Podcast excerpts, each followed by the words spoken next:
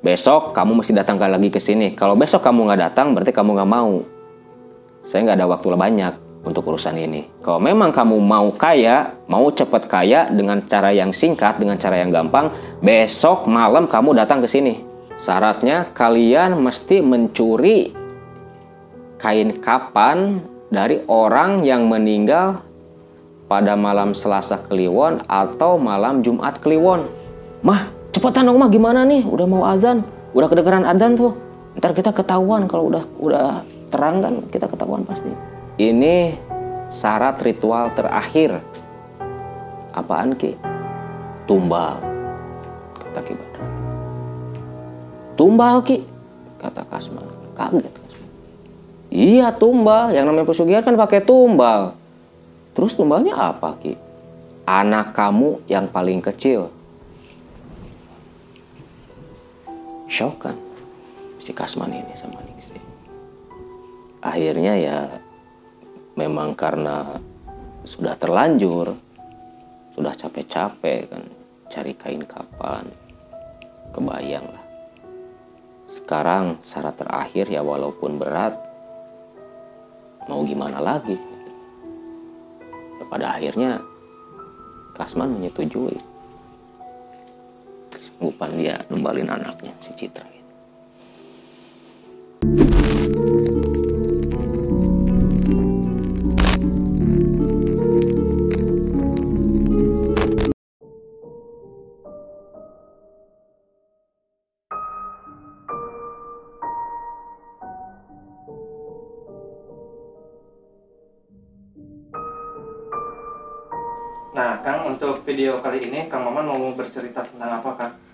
Untuk video kali ini saya akan menceritakan tentang pesugihan pocong.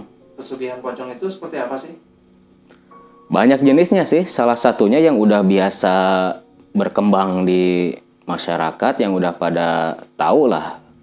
Biasanya pesugihan pocong ini dipakai buat penglaris rumah makan, warung makan, apa restoran atau apa gitu kan.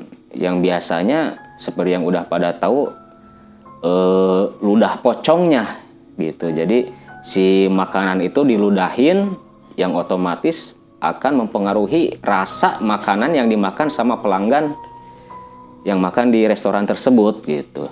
Cuman terkadang apabila si makanannya dibawa ke rumah rasanya berbeda. Beda sama pas makan di restoran itu gitu. Jadi rasanya benar-benar berbeda jauh lah dari kenikmatannya apanya gitu. Nah, selain itu ada lagi nggak? Banyak sebenarnya. Untuk pesugihan ini memang bukan cuman sifatnya untuk menambah-nambah kekayaan doang dari sistem pesugihan pocong ini. Itu ada juga yang memang untuk ilmu kanuragan, ada juga buat ilmu pelet seperti yang udah tak pada tahu kan. Eh, Ada filmnya juga tali pocong perawan tuh seperti kayak gitu. Untuk malam ini cerita dari pesugihan pocong ini seperti apa sih, Kang? Bisa nggak diceritain buat teman-teman semua, Kang? Hampir mirip seperti pesugihan babi ngepet. Jadi kalau babi ngepet orangnya jadi babi si pelaku pesugihannya. Kalau ini pelaku pesugihannya yang jadi pocong. Gitu. Nah, awal mula ceritanya seperti apa, Kang?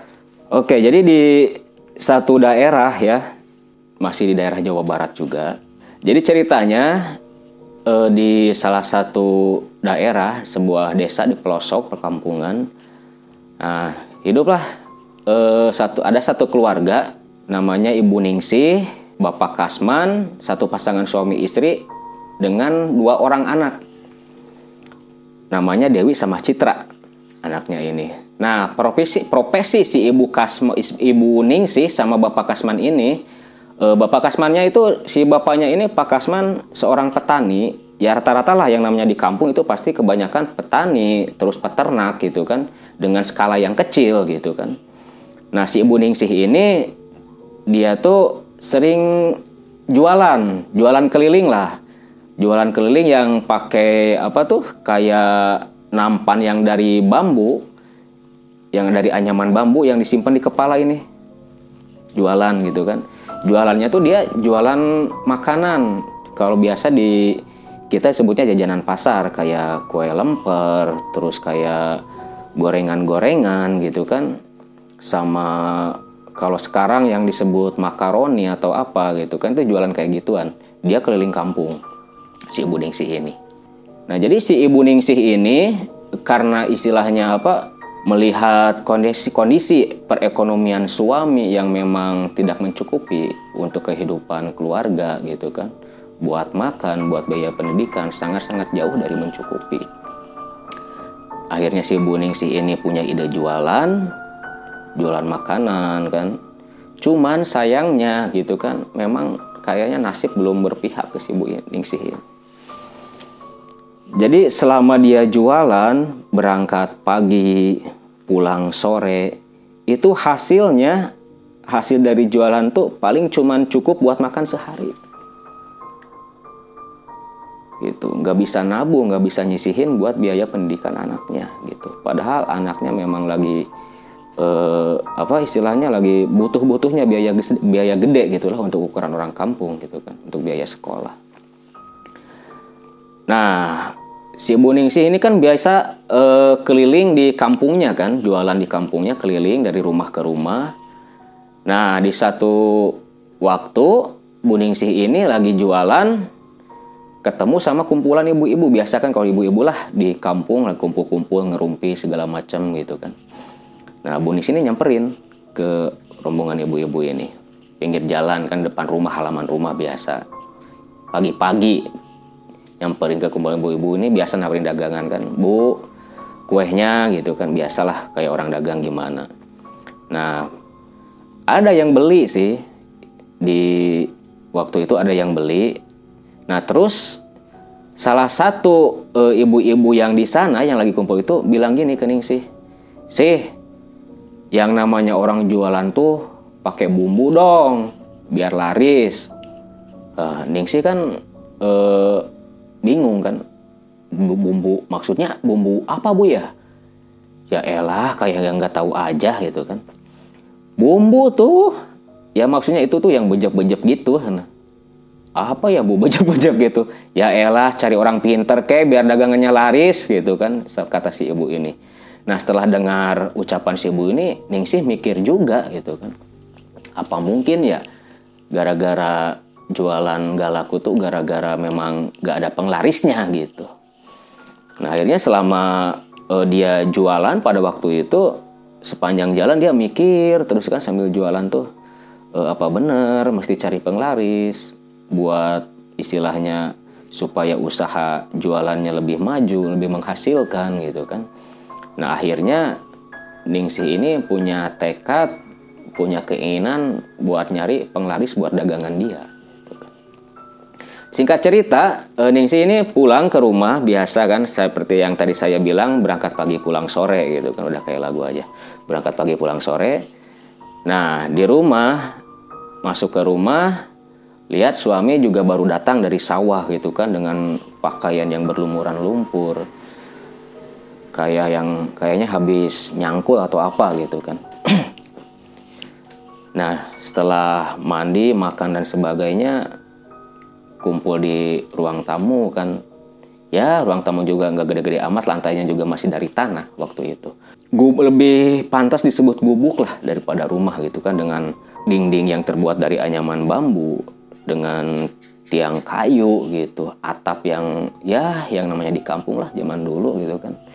Yang namanya pakai genteng juga udah dianggap mewah gitu. Nah, sini sini ngomong sama si bapaknya ini sama Pak Kasman ini kan. Tadi kan ibu waktu jualan ketemu tuh ibu sama rombongan ibu-ibu tuh yang biasa ngerumpi di depan rumah tuh dekat rumahnya Pak RT gitu kan.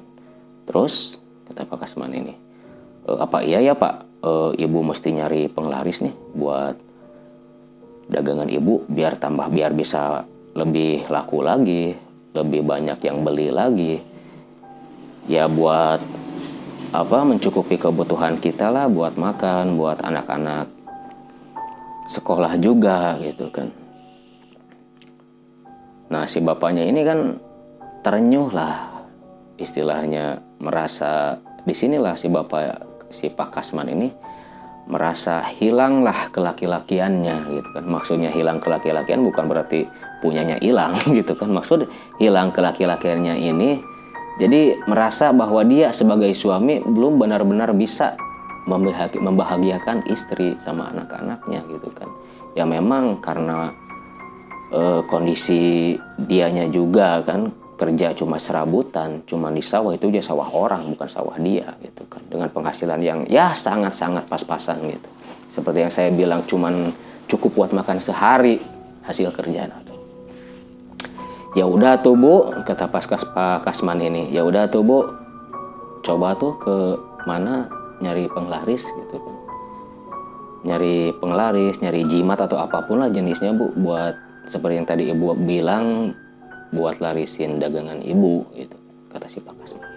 Ya memang di daerah itu di kampungnya Buningsi itu ada salah satu sesepuh lah tokoh gitu kan maksud tokoh anggap aja dukun lah memang dukun gitu kan namanya dukun gitu. E, dukun ini yang memang biasa didatangi tamu dari daerah dari kampung sendiri orang-orang kampung sendiri dari luar kampung juga. E, istilahnya tempat konsultasi segala macam permasalahan hidup gitu kan dari mulai penyakit ekonomi segala macam gitu ya intinya tahu sendirilah yang namanya kedukun pasti minta apa sih penglaris minta kalau orang sakit minta disembuhkan gitu kan dengan penyakit yang sebenarnya eh, tidak berhubungan juga dengan hal seperti itu gitu kan ya karena memang kalau di kampung kan eh, pemahaman masyarakat itu belum terlalu modern lah gitu kan lebih percaya ke dukun daripada ke dokter gitu. Waktu itu kok sekarang mah enggak kan. Nah di kampung itu ada salah satu dukun sesepuh yang namanya tuh Kibadra. Itu. Nah si Ningsih ini bilang ke Pak Kasman, Pak, e, Ibu mau ke Kibadra aja tuh ya. Barangkali aja e, Kibadra punya solusi, punya solusi, bukan solusi ya, punya solusi buat permasalahan kita itu. Emang ibu punya uang? yang namanya datang ke orang nanya minta sesuatu kan pasti pakai uang. Emang ibu ada uang? Ada sih pak. Ini uang sedikit. Hasil ningsih jualan seharian. Ya tadinya sih mau ningsih pakai buat beli beras. Gimana ya pak? Ya udah tuh lah nggak apa-apa. Siapa tahu aja eh, setelah kamu datang ke Kibadra ada perubahan nih buat usaha gitu usaha kamu. Gitu setelah berbincang dengan suami didorong juga sama suaminya sama si Pak Kasman ini mantap lah si Ningsih ini mau nyari penglaris ke Kibadra gitu kan. Nah besoknya pagi-pagi sekali Ningsih e, nggak jualan ya. Biasanya kan pagi-pagi dia udah berangkat dagang. Dari mulai subuh udah bikin adonan segala macam. Cuman berhubung mau ke Kibadra uh, dia gak jadi dagang gitu kan libur untuk hari itu. Jadi pagi-pagi sekali nih si ini pergi ke Kibadra berangkat gitu kan. Mau istilahnya nyari penglaris lah gitu. Dan si ini berangkat sendiri eh, Pak Kasmannya nggak ikut soalnya memang Pak Kasman ini lagi punya kerjaan di sawah gitu kan. Berhubung memang Kibadra ini salah satu tokoh yang memang agak terkenal juga bukan cuman jadi pasiennya bukan cuman orang kampung Kibadra doang, tapi dari kampung tetangga juga sering datang Kibadra. Jadi agak nunggu juga nih si Buningsi ini katanya tuh. Agak nunggu juga, soalnya lagi ngobatin orang juga, orang yang lagi sakit gitu kan. Akhirnya Ningsi nunggu di luar rumah, di beranda rumah kan. Nah setelah dilihat eh, pasien yang berobat udah kelar, nah Ningsi masuk. Assalamualaikum gitu kan. Waalaikumsalam masuk masuk Ningsih masuk ke dalam. Eh Ningsih ada apa nih? Tumben. Emang gak jualan? Gitu kan kata Ki Badra ini. Enggak Ki. Nggak jualan buat hari ini mah libur aja dulu. Ningsih lagi ada perlu nih sama Aki. Ada perlu apa? Coba ngomong aja gitu kan. Nah curhat deh si Ningsih ini. Masalah kehidupan dia kan perekonomiannya yang memang di bawah rata-rata gitu kan. Dengan jualan juga istilahnya dengan penghasilan yang sangat-sangat minim gitu. Nah pada intinya si Ningsi ini kan ke Kibadra minta penglaris gitu kan. Iki gini Ningsi itu datang sini tahu kan Aki nih sih kan tiap hari jualan jualan kue gorengan segala macam jajanan pasar selama Ningsih jualan sampai sekarang nggak ada perubahan tuh Ki di kehidupan tuh hasil jualan sehari cuma cukup buat makan doang belum lagi buat anak sekolah penghasilan suami juga paling cukup buat beli beras. Barangkali Aki punya solusi buat permasalahan Ningsih. Nah terus Ningsih pengennya gimana? Pengen laris dagangan atau pengen apa? Gitu kan. Ya itu ki sih pengennya pengen laris dagangan gitu. Ya udah nih di Aki ada pusaka lah katanya tuh kan.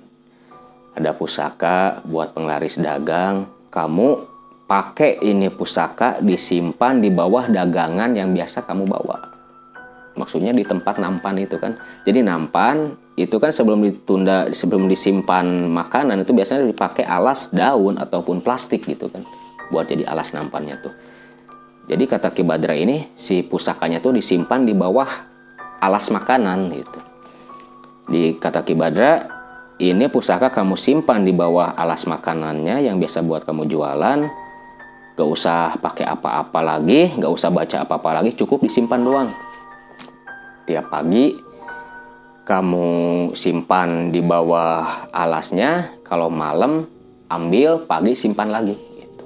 jadi kalau dia misalnya udah pulang jualan itu si pusakanya selalu dibawa gitu nggak boleh disimpan di nampan simpan di lemari atau di apa kayak gitu kan pas mau jualan baru disimpan lagi. Nah kata siningsih ini bentuk e, pusakanya itu sejenis apa ya? Kalau saya bilang sih seperti isim lah. Seperti isim yang terbuat dari rajahan itu yang biasanya kadang bahannya itu dari kulit, kertas atau kulit kayu gitu kan. Yang dipakai yang ditulisin pakai rajah-rajah bahasa ya bahasa Arab lah. Dengan maksud bahasa Arab di sini itu bukan ayat-ayat Al-Qur'an. Tapi eh, dengan tulisan-tulisan Arab gitu. Ya mungkin maksudnya biar orang muslim lebih mempercayai sama jimat itu gitu yang namanya orang awam kan, orang muslim yang awam, orang Islam yang awam gitu kan, apalagi orang kampung yang awam, yang benar-benar awam, gak ngerti urusan agama, gak ngerti urusan seperti itu. Lihat sesuatu, apalagi dikasihnya sama e, dukun atau apa pun gitu, praktisi atau apa pun namanya, dengan tulisan ke Arab-Araban, ke Timur Tengah, ke Timur-Timur Tengahan gitu kan, itu pasti dipercaya bahwa itu memang berhasiat gitu. Gak tahu padahal ada hasiatnya apa enggak gitu kan. Padahal yang kita tahu sampai sekarang kan yang namanya isim itu banyak jualan di pasar juga kan, murah lagi gitu. Nah setelah dikasih uh, pusaka dari si Kibadra ini, Ningsih langsung pamitan gitu kan karena berhubung hari udah agak sore juga gitu kan pamitan ke Kibadra terus pulang deh sini sini. Pulang ke rumah ketemu suami baru pulang dari sawah gitu kan. Ditanya sama suaminya ini sama Pak Kasman gimana Bu? Hasil nggak? gitu kan. Hasil sih Pak. Ini di dikasih ini nih sama Kibadra. Kasih apaan? gitu. Ini katanya disuruh disimpan di bawah nampan tempat ibu jualan. Ya ya udah tuh coba aja. Siapa tahu kan nanti ibu jualannya tambah laris gitu kan. Nah, mulai dah dari situ Ningsih ini eh, pakai itu pusaka gitu kan. Jadi dengan semangat yang 45 gitu kan, istilahnya dengan semangat yang menggebu-gebu, dengan keyakinan yang sangat-sangat yakin bahwa dagangannya ini bakal laris dengan wasilah perantara pusaka dari Kibadra yang biasanya berangkat dagang jam 7 pagi jam 6 udah berangkat gitu kan. Nah, cuman di sini entah memang nasib si Buningsi ini yang jelek atau apalah disebutnya. Jadi setelah pakai penglaris pun si Buningsi ini jualnya tetap aja sama nggak ada perubahan. Di hari pertama jualan bukannya laku malah sepi. Gak ada yang beli gitu kan. Sampai sewaktu jualan di perjalanan itu kan sambil bawa-bawa makanan gitu dagangan. Ning sih mikir kok nasib saya kok gini-gini amat sih? Gitu kan. Jualan dari pagi udah pakai penglaris juga masih aja nggak ada yang beli. Kenapa sih?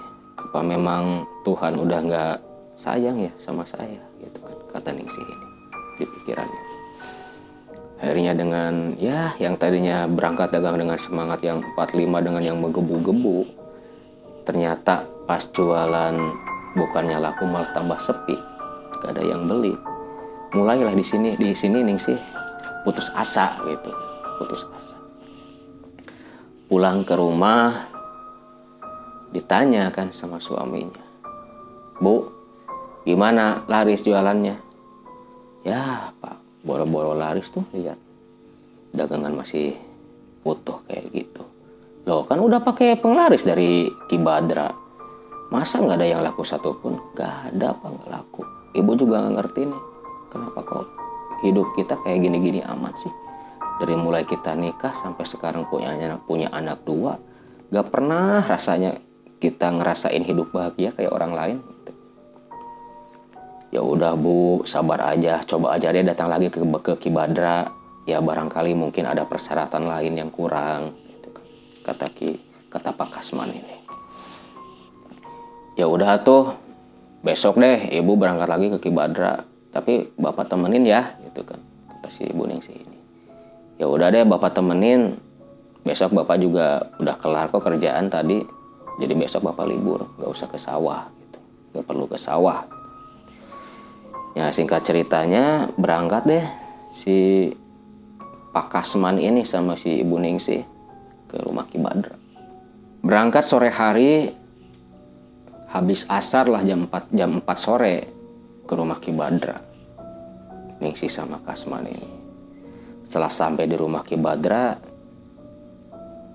biasa kan orang namu nggak perlu diceritain lah detail namu seperti apa gitu kan udah pada tahu sendiri nah ditanya kan sama si Kibadra ini ada apa lagi nih sih kemarin kan udah akikah sih buat penglaris dagangan.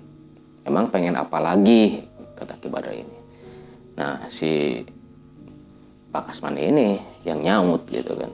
Ki kemarin kan memang udah dikasih penglaris sama Aki itu yang kayak isim atau apa tuh yang mesti disimpan di atas nampan cuman kata istri saya bukannya malah laris bukannya malah laku malah nggak ada yang beli.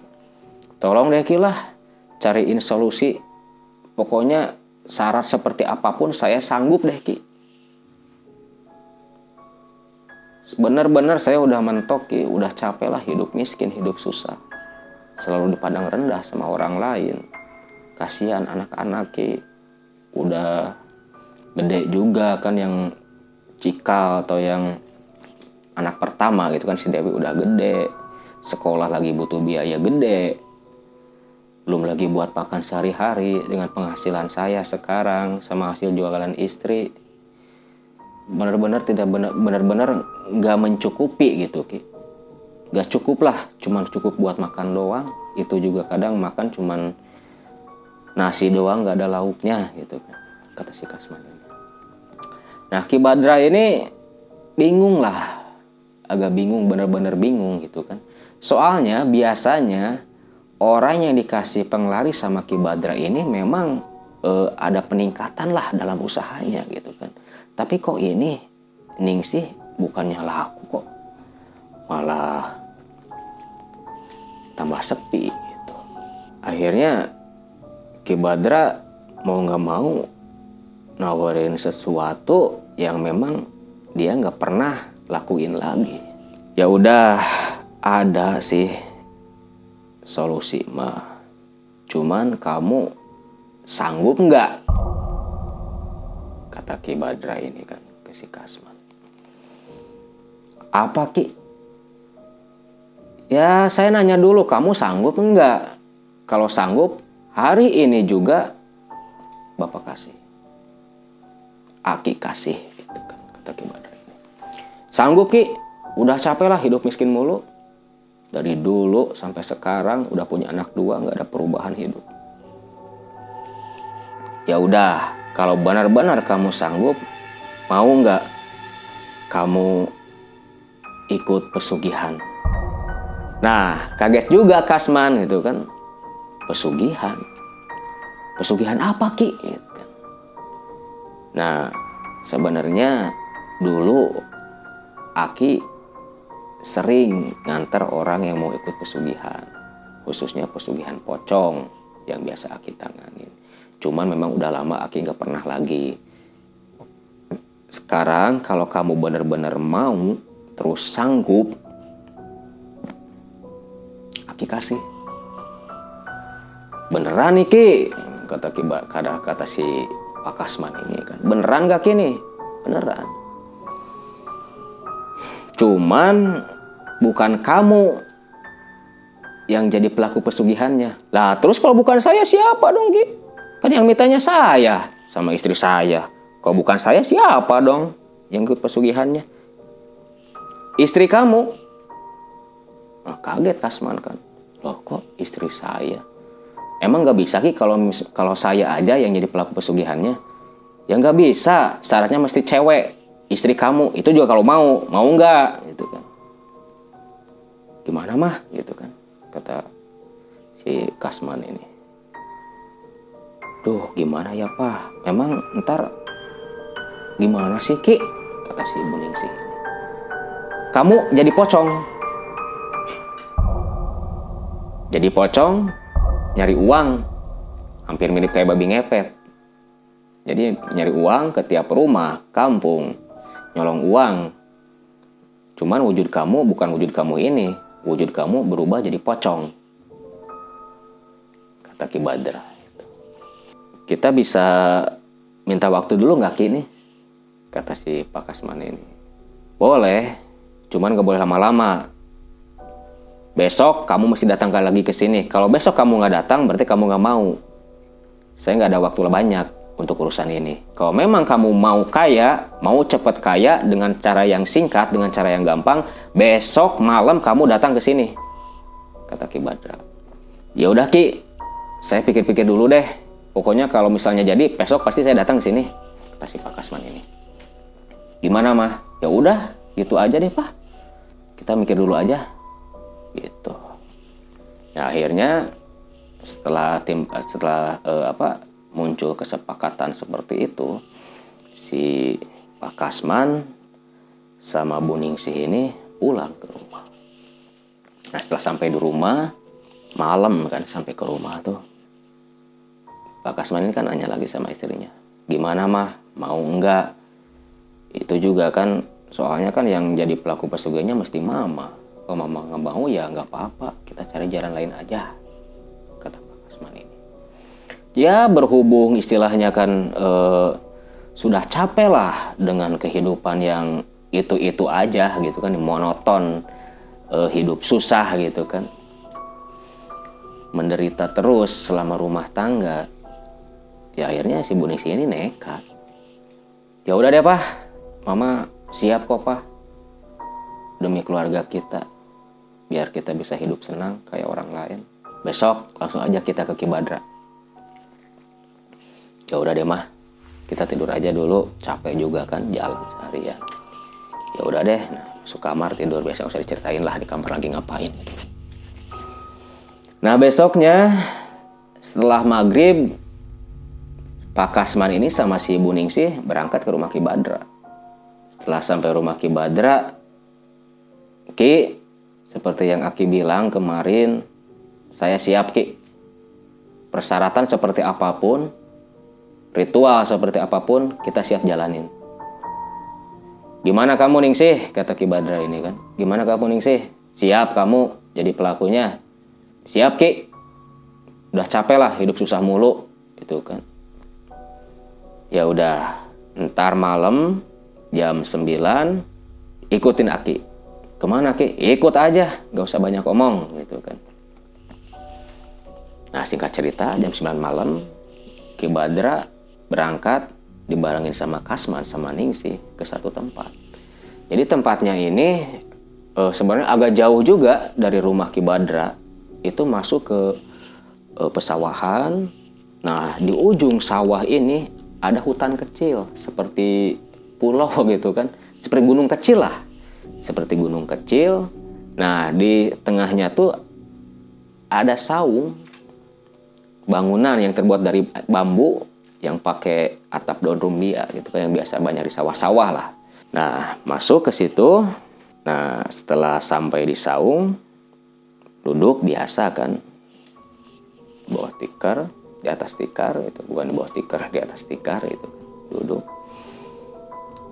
Nah, di sinilah mulai uh, awal ritual gitu kan.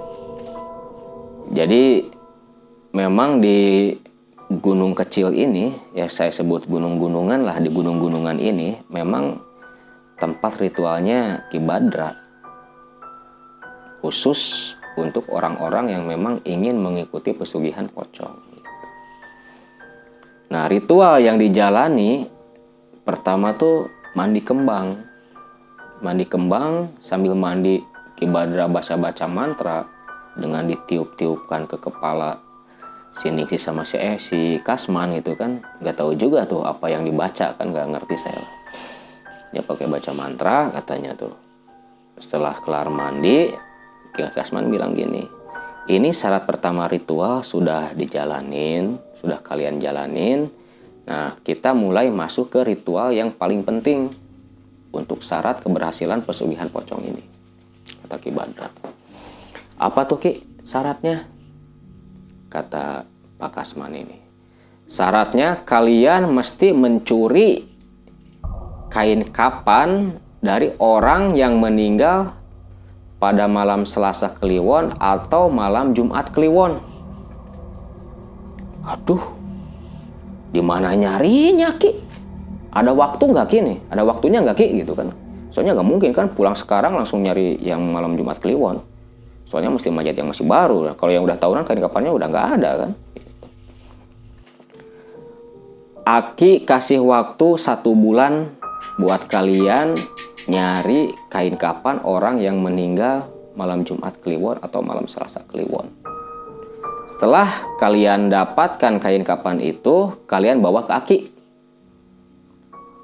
Dan cara ngambilnya pun kalian gak, gak boleh pakai alat apa pun Gak boleh pakai cangkul atau apa pun, cukup pakai tangan kalian.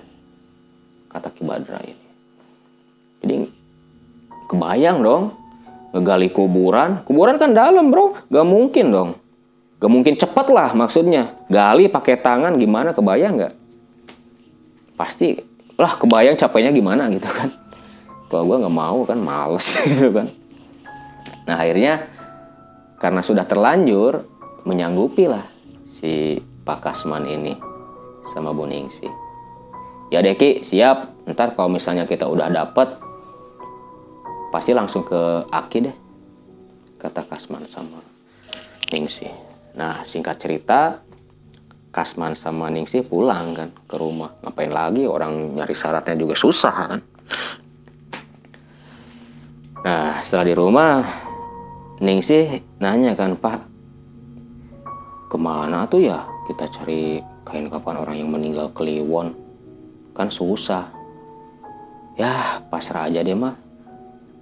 Mama aja deh sambil jualan nyari-nyari info.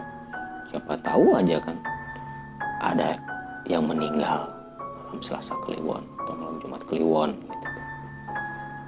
ya deh pak papa juga cari ya ya iyalah papa juga nyari kan nah singkat cerita besoknya tuh jualan lagi lah seperti biasa Ningsih ini. Tapi jualan di sini kan Ningsih bukan tujuan supaya dagangannya laku lagi.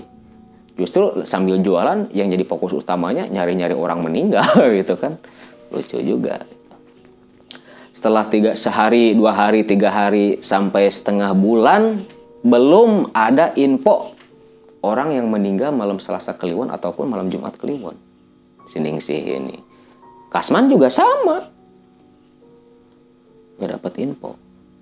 Nah baru setelah hari ke 20 pasca ritual pertama, nah Nixi kan seperti yang tadi saya bilang dia kan tetap jualan, cuman fokus utamanya bukan jualan lagi gitu kan, nyari-nyari info yang meninggal gitu.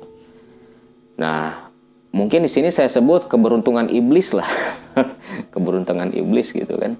Ningsih ini pas lagi jualan dengar suara dari ini tuh apa kalau di masjid-masjid itu kan ada toa gitu kan. Innalillahi wa inna ilaihi rojiun gitu kan. Biasa seperti itu. Kalau di kampung-kampung ada orang meninggal pasti deh diumumin di speaker masjid gitu kan siapa tuh yang meninggal ya? Kan. kata Ningsih ini. Nah terus nanya kan Ningsih ini sama orang di sekitar itu kan. Pak pak siapa sih yang meninggal pak? Itu Bu Kokom yang rumahnya deket masjid tuh gitu kan. Oh gitu pak? Iya gitu kan. Kenapa pak meninggalnya? Katanya sih sakit gitu kata orang itu. Nah, Ningsih nggak terlalu mikir banyak gitu kan pas di jalan baru ingat hari Jumat gitu kan. Apa mungkin ya? Kata Ningsih ini kan. Apa mungkin ya? Lu nggak tahu juga nih hari ini tuh kliwon apa bukan ya? Gitu kan. Akhirnya Ningsih baru setengah jalan juga jualan baru setengah jalan jualan langsung cepat-cepat pulang. Pulang ke rumah langsung lihat kalender. Lihat kalender eh, tanggal sekian gitu kan. Wah bener nih. Sekarang Jumat Kliwon. Kayaknya memang ini nih kain kapan yang mesti dicuri gitu kan. Kata Ningsi udah deh ntar bilang sama papa aja. Akhirnya Ningsi nggak jualan lagi diem di rumah nunggu suami pulang gitu kan. Nah si suaminya ini si Kasman pulang dia agak aneh juga lihat istri yang biasanya dengan muka yang kucel dengan raut wajah yang ya kayak nggak ada gairah hidup terlihat gembira banget bahagia gitu seneng gitu kan. Kaget lah jarang-jarang gitu lihat muka istri kayak gitu. Tumben ibu kayak yang seneng amat emang dapat apaan gitu kan. Papa sini deh kata Ningsih udah apa deh sini aja dulu Mi. mama mau ngomong nih. Apa ini pak kan tadi waktu mama jualan itu kan di speaker eh, di masjid itu ada pengumuman katanya Bu Kokom tuh meninggal pak. Wah, terus bapak tahu nggak sekarang hari apa? Jumat. Jumat apa coba? Nggak tahu. Jangan tuh Jumat Kliwon pak? Hah? yang bener mah. Beneran coba bapak cek sendiri. Nah pas dicek sama Pak Kasman memang. Jumat Kliwon gimana dong mah? Ya udah pak. Ntar malam kita langsung aja. Kita curi kain kapannya. Mama siap nggak? Ya siap lah pak. Kita udah nunggu-nunggu nih. Udah 20 hari juga lima hari lagi udah. Kita nggak bisa ritual. Kata Ki Badra kan kita dikasih waktu cuma sebulan pak. Ya udah tuh kalau mama siap mah. Ntar malam kita berangkat. Kita curi tuh kain kapannya ya deh pak. Nah singkat cerita malam pun bergulir. Jam 10 malam berangkatlah si Nixi sama si Kasman ini ke kuburan. Dengan maksud mencuri kain kapan si ibu kokom ini.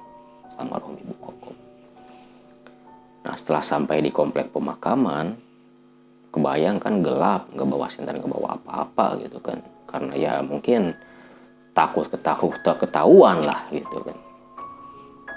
Nah setelah sampai di lokasi pemakaman nyari-nyari kuburan baru nah ketemu sebelah depan ada kuburannya Bu Kokom. Masih dengan tanah yang basah gitu kan. Nah mulai deh si Kasman ini sama Ningsih ngegali kuburan ya pakai tangan kebayang kan pasti lama beda sama pakai cangkul gitu kan. Nah setelah digali diambil lah kain kapan si almarhum ibu Kokom ini. Kain kapannya diambil lalu ditutupin lagi seperti biasa buat ngilangin jejak kan biar nggak ketahuan. Nah sewaktu eh, mengambil kain kapan si almarhum Bu Kokom terus ditutup pun ditutup lagi dengan apa dari bambu tuh potongan bambu potongan bambu ditutup lagi mulai dah eh, dikubur lagi seperti semula.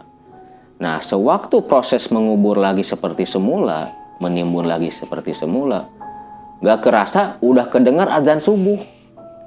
Otomatis panik kan?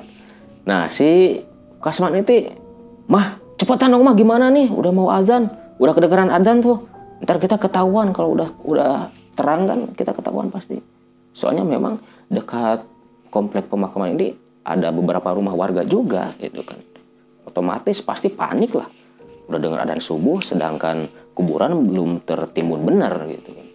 Akhirnya dengan ya semangat yang menggebu-gebu didorong dengan rasa takut gitu kan. Kebayang kan nutup kuburan pakai tangan diburu waktu gitu kan. Nah singkat cerita, kelar juga ya iblis berpihak lah ke mereka gitu kan.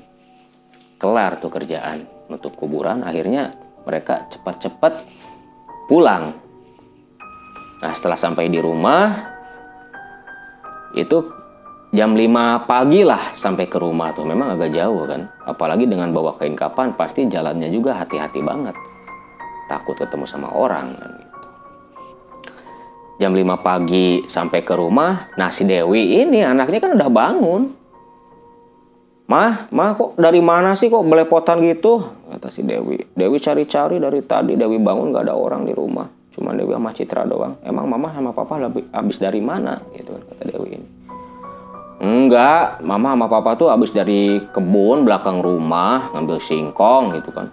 Mana singkongnya? Uh, ketinggalan di kebun. Besok aja deh mama bawa lagi. Gitu kan. Ngelabuin anaknya si Dewi gitu kan. Nah, singkat cerita eh, malamnya si Ningsih sama si Kasman ini berangkat ke rumah Kibadra. Kibadra. Sampai ke rumah Kibadra, Ki, ini nih, Ningsih sama Kasman di luar rumah tuh kan. Masuk, masuk, masuk dari dalam tuh. Akhirnya masuk ke rumah. Gimana? Hasil nggak? Kata Ki Badra ini kan. Alhamdulillah Ki, aku goblok kan. Ritual pesugihan, pakai alhamdulillah. Hasil Ki, ini udah dapat.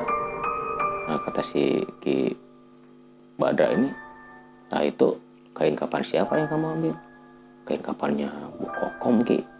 Ya kebetulan dia meninggalkan pas malam Jumat Kliwon Ki. Kata Ki, kata Ki, kata si Pak Kasman ini. Terus gimana Ki sekarang? Nah sekarang kita mulai masuk ritual kedua. Nah, cuman saya nggak tahu jelas juga ritualnya seperti apa ritual kedua ini.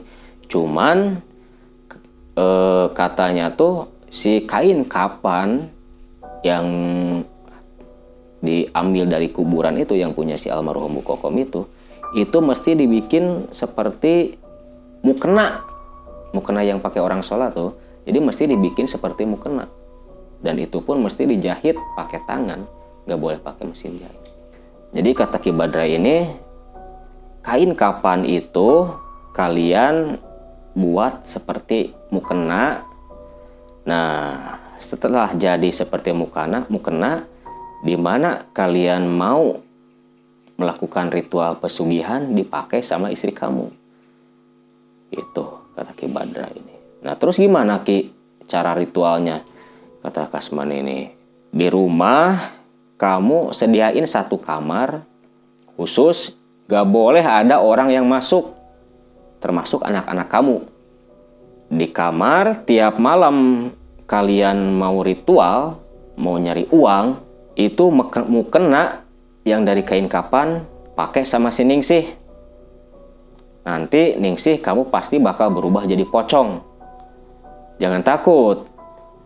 Walaupun kamu jadi pocong, tapi cuman wujud kamu doang. Dan di mana kamu lagi nyari uang pun gak bakal ada orang lihat. Itu. Jadi kayak ilmu halimunan gitulah jadi pas dia keliling istilahnya nyari uang nyuri uang gitu kan dari rumah ke rumah itu nggak bak walaupun kepergok sama orang nggak bakal ke apa nggak bakal kelihatan gitu. Nah, terus apa lagi ki? Kata si Kasman ini. Ya udah cukup gitu doang. Paling kamu tiap malam pas mau ritual cari uang biasa aja siapin sesaji. Sesajinya ya cukup. Kembang tujuh rupa, kemenyan bakar, bakar kemenyan gitu kan, air kopi sama kelapa muda dinampan di kamar tempat ritual gitu kan. Itu doang Gi syaratnya. Ada satu lagi. Ini syarat ritual terakhir. Apaan Ki? Tumbal. Kata Ki Badra tumbal ki kata Kasman kaget Kasman iya tumbal yang namanya pesugihan kan pakai tumbal terus tumbalnya apa ki anak kamu yang paling kecil shock kan si Kasman ini sama Ningsih. Citra ki gitu kan kata si Kasman ini. Iya, anak kamu yang paling kecil si Citra. Ki, gak bisa orang lain ki. Gak bisa. Untuk tumbal pertama mesti anak kamu. Yang paling kamu sayangin si Citra kan. Bingung kan. Bisa jawab Kasman. Ningsih juga benar-benar bingung apalagi seorang ibu kan. Istilahnya mengandung 9 bulan mengurus ngurus anak kebayang kan seorang ibu gitu kan. Sekarang mesti merelakan anaknya meninggal jadi tumbal untuk kekayaan lama juga si Kasman sama Ningsih ini berpikir kan. Tapi ya itulah di sini campur tangan setan gitu kan. Istilahnya benar-benar mensupport namanya setan dong pasti berbisik-bisik terus di hati. Akhirnya ya memang karena sudah terlanjur sudah capek-capek kan cari kain kapan kebayang lah sekarang syarat terakhir ya walaupun berat mau gimana lagi? Ya, pada akhirnya Kasman menyetujui. Kesanggupan dia numbalin anaknya si Citra